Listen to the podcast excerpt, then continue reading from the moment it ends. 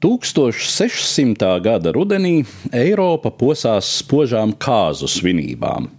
Francijas karalis Anri IV ņēma par sievu slavenās Florences magnātu Medičī dzimtes atvasi Mariju. Līgavai līdzi nāca patiesi karaliska pūra nauda, un arī svinības bija grandiozas. Viesiem piedāvāja dažādas izklaides, tā skaitā Medičī galma komponista Jakopo Pērī darbu Eiridīke. Jau dažus gadus iepriekš Pērī bija sacerējis pirmo līdzīgo darbu ar nosaukumu Dafne. Komponists pretendēja atgriezt dzīvē antīkā teātra tradīciju. Viss antīkais tā laika Itālijā bija aizrautīgas atdarināšanas objekts, taču atšķirībā no antīkajiem vizuālās mākslas darbiem, senās Grieķijas un Romas skatuves darbi, saprotams, nebija saglabājušies, tāpēc maestro Pērī rīkojās pēc izjūtas, apvienojot teorētisko priekšstatu par antīko skatuves mākslu ar sava laika mūzikas tradīciju izdevās tīri labi, un apmierinātie patroni pasūtīja nākamo, kā to nodēvēja opera, lietojot daudzskaitlī latīņu vārdu opus, mākslas darbs, un tādējādi uzsverot, ka te baudītājiem tiek piedāvāts neviens vien muzikālais darbs, bet arī skatuviskais, aktieriskais, horeogrāfiskais. Tā nu 1600. gada 6. oktobrī spožo laulību viesi ieradās uz pirmo vēsturei zināmo operas pirmizrādi.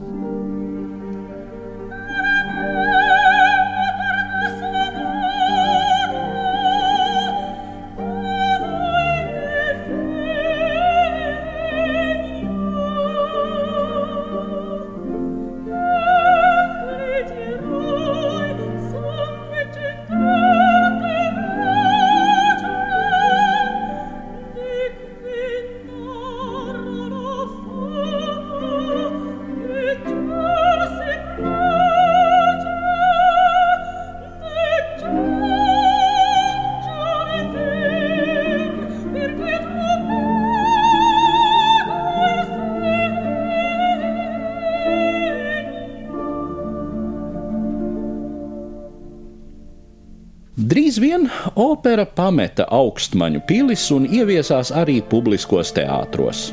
Jakopo Pēri jaunākais laika biedrs Klaudio Monteverdi jau rakstīja arī vienkāršās tautas skatuvei. Līdz 18. gadsimta vidum Eiropas opermākslā toni noteica itālieši, sevišķi jau itāliešu libretisti. Viņu izkoptos žanra kanonus respektēja arī visi citi. Kaut vai, piemēram, vācu komponists Georgs Friedrichs Hendelis, kurš dzīvoja un rakstīja pamatā Anglijā.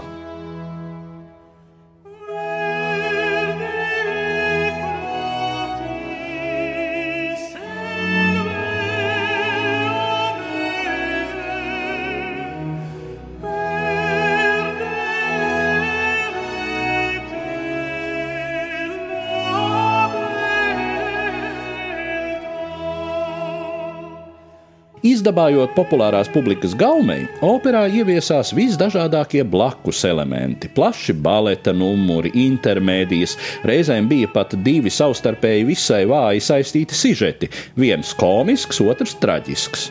Var teikt, opera, sekojot rokoko stilam, kļuva ar vien kruzuļotāka, un tai arvien grūtāk nācās elpot zem šo dekoratīvo papildinājumu nastas. Atpestīšana nāca no Alpu kalnu viņas puses. Vācu komponists Kristofs Vilibalds Gluks aicināja operu atpakaļ pie pirmsākumiem, pie daļas vienkāršības, ar to saprotot mazāk dekoratīvisma un vairāk dramatisma gan mūzikā, gan libretu kompozīcijā. Tomēr 18. gadsimta operas spožākais veikums nepieder visglukam, bet viņa jaunākajam laika biedram Wolfgangam Amadejam Mocartam.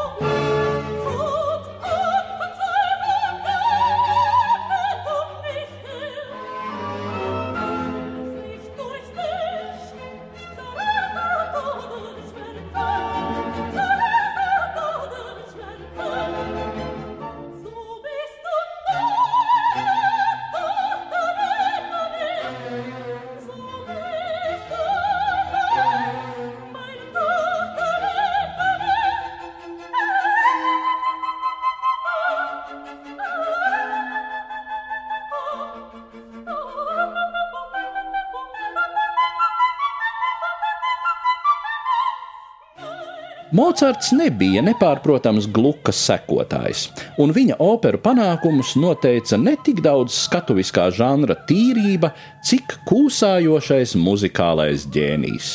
Un, lai arī Mocartam nekādi nevar pārmest skatuviskas izjūtas trūkumu, viņš nereti tiek minēts kā arguments joprojām aktuālajā diskusijā par to, kas tad operas žanrā ir galvenais - muzikālā daile vai tomēr dramatiskais efekts. Stāstīja Eduards Liniņš.